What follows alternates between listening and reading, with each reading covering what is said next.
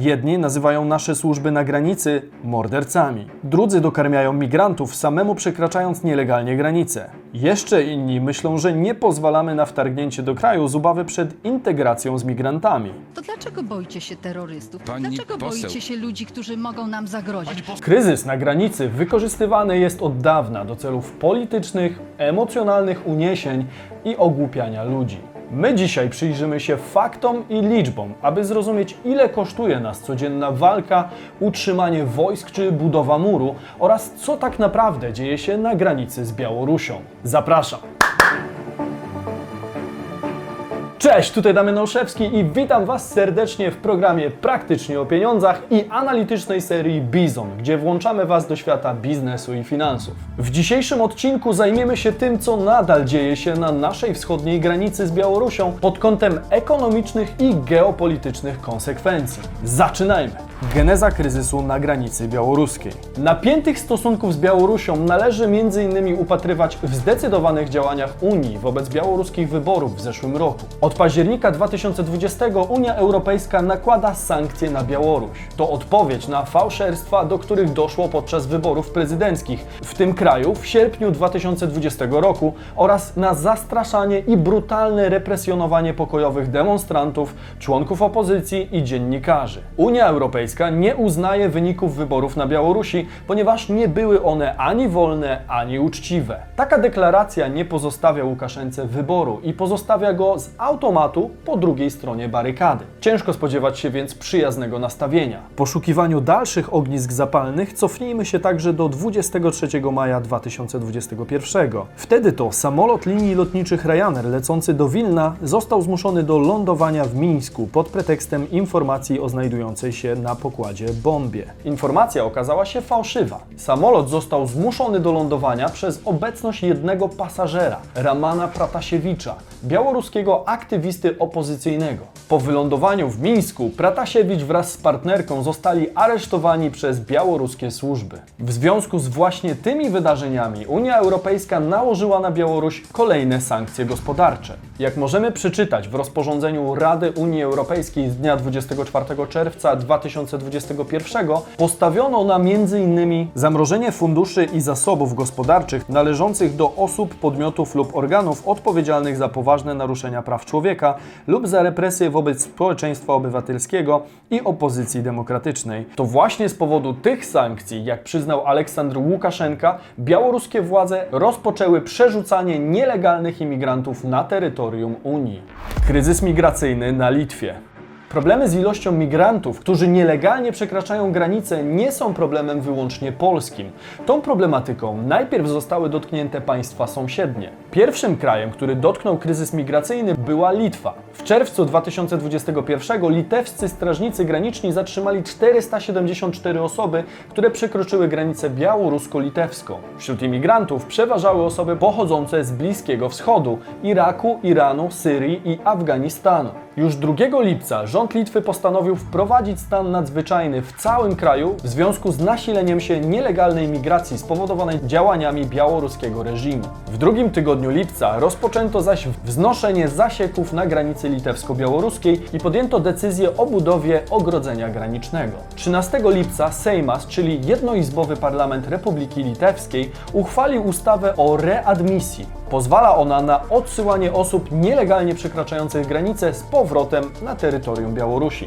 Była to odpowiedź na zdaniem litewskich władz wykorzystanie migrantów przez Łukaszenkę jako broń hybrydową. Na początku sierpnia litewskie MSW zapowiedziało, że każda osoba, która przekroczy granicę w sposób nielegalny, a będzie chciała wrócić do kraju, z którego pochodzi, otrzyma bilet lotniczy i 300 euro. 17 sierpnia doszło do kolejnego poważniejszego incydentu. Litewska Straż Graniczna poinformowała tego dnia, że 12 białoruskich żołnierzy przekroczyło nielegalnie granicę, wypychając za nią 35 imigrantów z Iraku. Po kilku minutach opuścili oni jednak terytorium Litwy. 10 listopada wprowadzono na granicy z Białorusią zaostrzony stan wyjątkowy. Było to podyktowane zwiększoną ilością transportów białoruskich służb z migrantami na granicy z Litwą.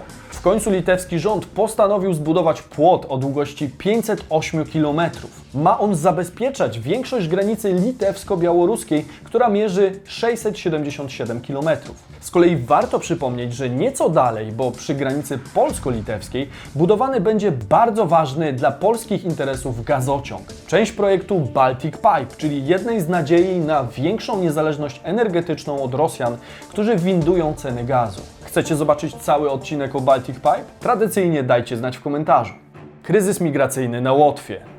W sierpniu kryzys dotknął też inny kraj nadbałtycki Łotwę. W tym czasie łotewskie władze zaprezentowały nagrania, na których widać, jak umundurowane służby białoruskie przeprowadzają migrantów przez granicę łotewsko-białoruską. Wszystkie te białoruskie działania z użyciem migrantów w połączeniu z rosyjsko-białoruskimi ćwiczeniami Zapad 2021, które mogą doprowadzić do zwiększenia ilości incydentów i prowokacji, łotewski rząd uznał to za wojnę hybrydową. Co ciekawe, rząd zapowiedział również odwołanie się do czwartego artykułu artykułu Traktatu Północnoatlantyckiego, czyli NATO. Na jego podstawie wzywa się do komisji wewnątrz sojuszu, jeśli tylko któryś z członków uzna, że jego integralność terytorialna, niezależność polityczna czy bezpieczeństwo są zagrożone. Sprawa jest więc niezwykle poważna. 18 października władze Łotwy zapowiedziały nałożenie sankcji na białoruskie linie lotnicze Bielawiec, a 12 listopada łotewski parlament zatwierdził budowę muru na granicy z Białorusią.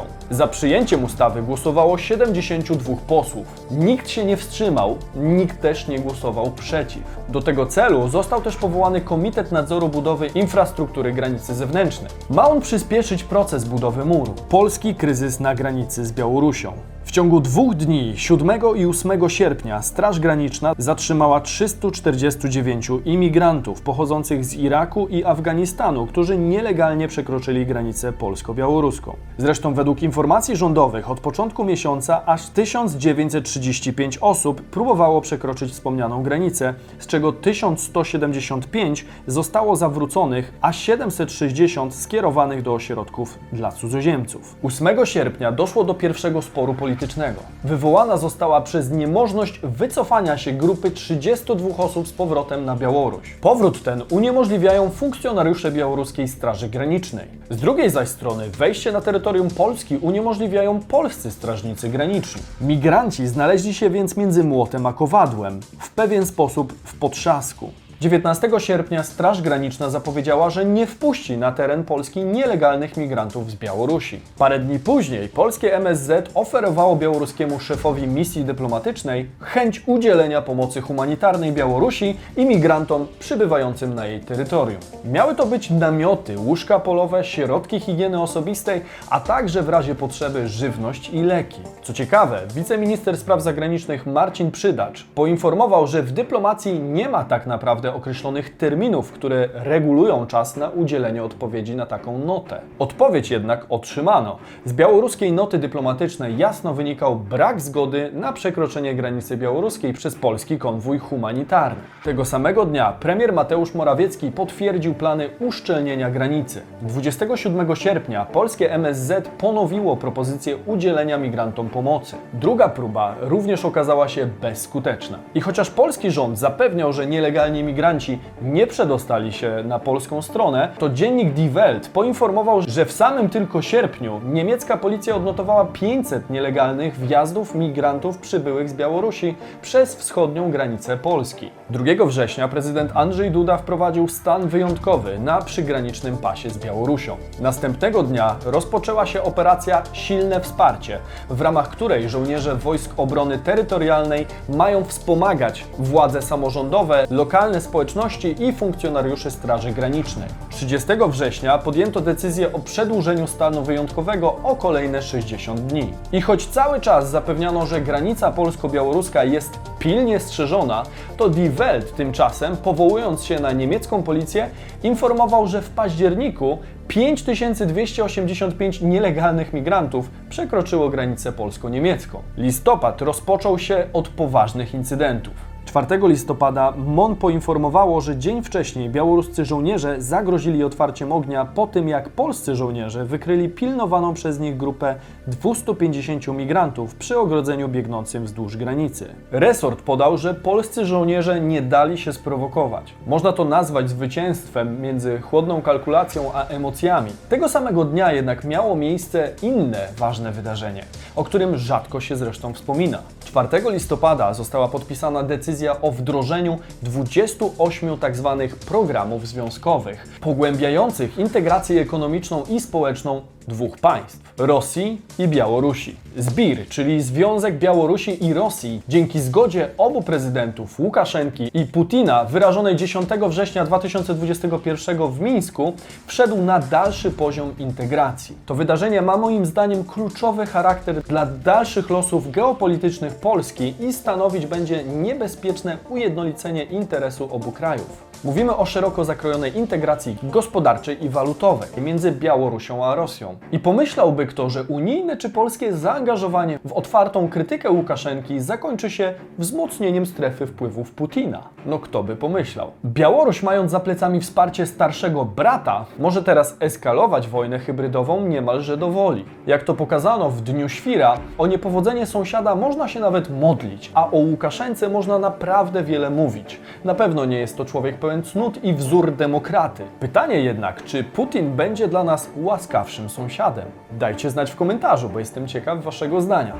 Dalsze losy konfliktu na granicy polsko-białoruskiej. Kolejne dni na polskiej granicy były coraz cięższe. 8 listopada białoruskie służby skierowały największą do tamtego dnia grupę migrantów. W odpowiedzi w stan gotowości zostali postawieni żołnierze dwóch batalionów lekkiej piechoty z pierwszej Podlaskiej Brygady Obrony Terytorialnej. Tego samego dnia podjęto kolejną próbę siłowego, nielegalnego przekroczenia granicy przez migrantów. Tym razem zostali oni jednak wyposażeni w narzędzia mające ułatwić im zniszczenie zasieków na granicy polsko-białoruskiej. Według rzecznika ministra koordynatora służb specjalnych szacowana liczba migrantów sprowadzona w rejon granicy wynosiła około 4000 osób. Szturmy na polską granicę powtarzały się regularnie przez kolejne dni. Wobec polskich służb zaczęto stosować lasery i światło stroboskopowe w celu oślepienia oraz gaz łzawiący. Zostali oni również obrzuceni kamieniami. Polska policja oskarżyła także białoruskie służby o wyposażenie migrantów w granaty hukowe. Pytanie, ile całe to zamieszanie kosztuje polskich podatników? Ile kosztuje obrona polsko-białoruskiej granicy?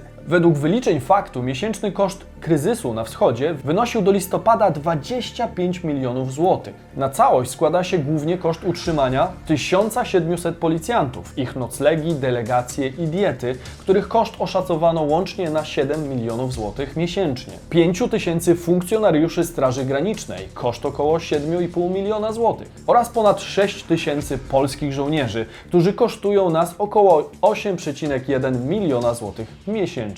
Warto podkreślić, że jest to stan na 29 października. Samego tylko 8 listopada na granicy w rejonie Kuźnicy znajdowało się aż 12 tysięcy żołnierzy, 8 tysięcy funkcjonariuszy Straży Granicznej i 1000 policjantów. Łącznie mogą to być koszty nawet około 32 milionów złotych miesięcznie. Samo utrzymanie imigrantów we wrześniu kosztowało nas 3 miliony złotych. Dla porównania, w zeszłym roku we wrześniu koszty utrzymania wszelkich migrantów w Polsce wynosiły około 380 tysięcy. Do tego dochodzą koszty zastoju gospodarczego dla rejonu objętego stanem wyjątkowym. Na początku września rząd planował przeznaczyć na rekompensaty dla biznesu z tego terenu około 7 milionów złotych. Budowa muru na granicy polsko-białoruskiej. Te koszty to jednak ziarenko piasku w porównaniu do tego, ile będzie nas kosztowała budowa muru granicznego. Rząd chce na ten cel przeznaczyć co najmniej 1,6 miliarda złotych. Jest to płot w systemie HESCO Bastion technologii amerykańskiej. Projekt jest określany jako najnowocześniejsza, ale i najdroższa instalacja tego typu w Europie.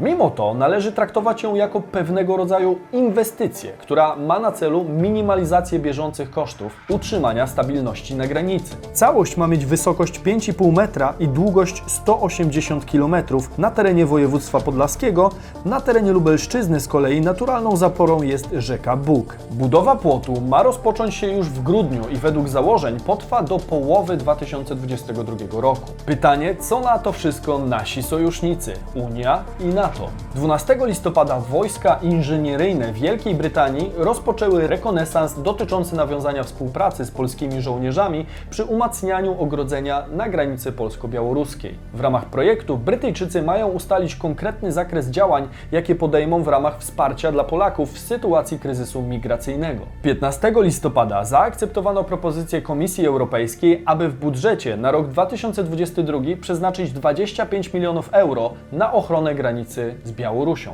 Rzeczniczka Komisji Europejskiej potwierdziła również, że specjaliści z Europejskiego Centrum do Spraw Przemytu Migrantów wesprą Polskę na granicy. Unia nie pozostaje bierna wobec zagrożenia, ponieważ Polska jest de facto wschodnią granicą wspólnoty. Do tego 19 listopada minister obrony Estonii poinformował, że odpowiadając na polską prośbę o praktyczne wsparcie, wyślą do Polski 100 żołnierzy i specjalne jednostki z dronami. Ile jeszcze będzie nas kosztować wojna hybrydowa prowadzona przy użyciu migracji? Jak zakończy się spór na granicy z Białorusią i czy będzie nadal eskalował? Tego możecie dowiedzieć się w kolejnych odcinkach, subskrybując kanał tutaj. Zostawcie hashtag murem za mundurem w komentarzu, jeżeli podobał Wam się ten odcinek. Trzymajmy kciuki za polskie służby, które zwożone są obecnie z całej Polski i w deszczu czy mrozie patrolują naszą granicę i dbają o nasze bezpieczeństwo. My natomiast, jak zwykle, widzimy się w sobotę i niedzielę o 15. Cześć!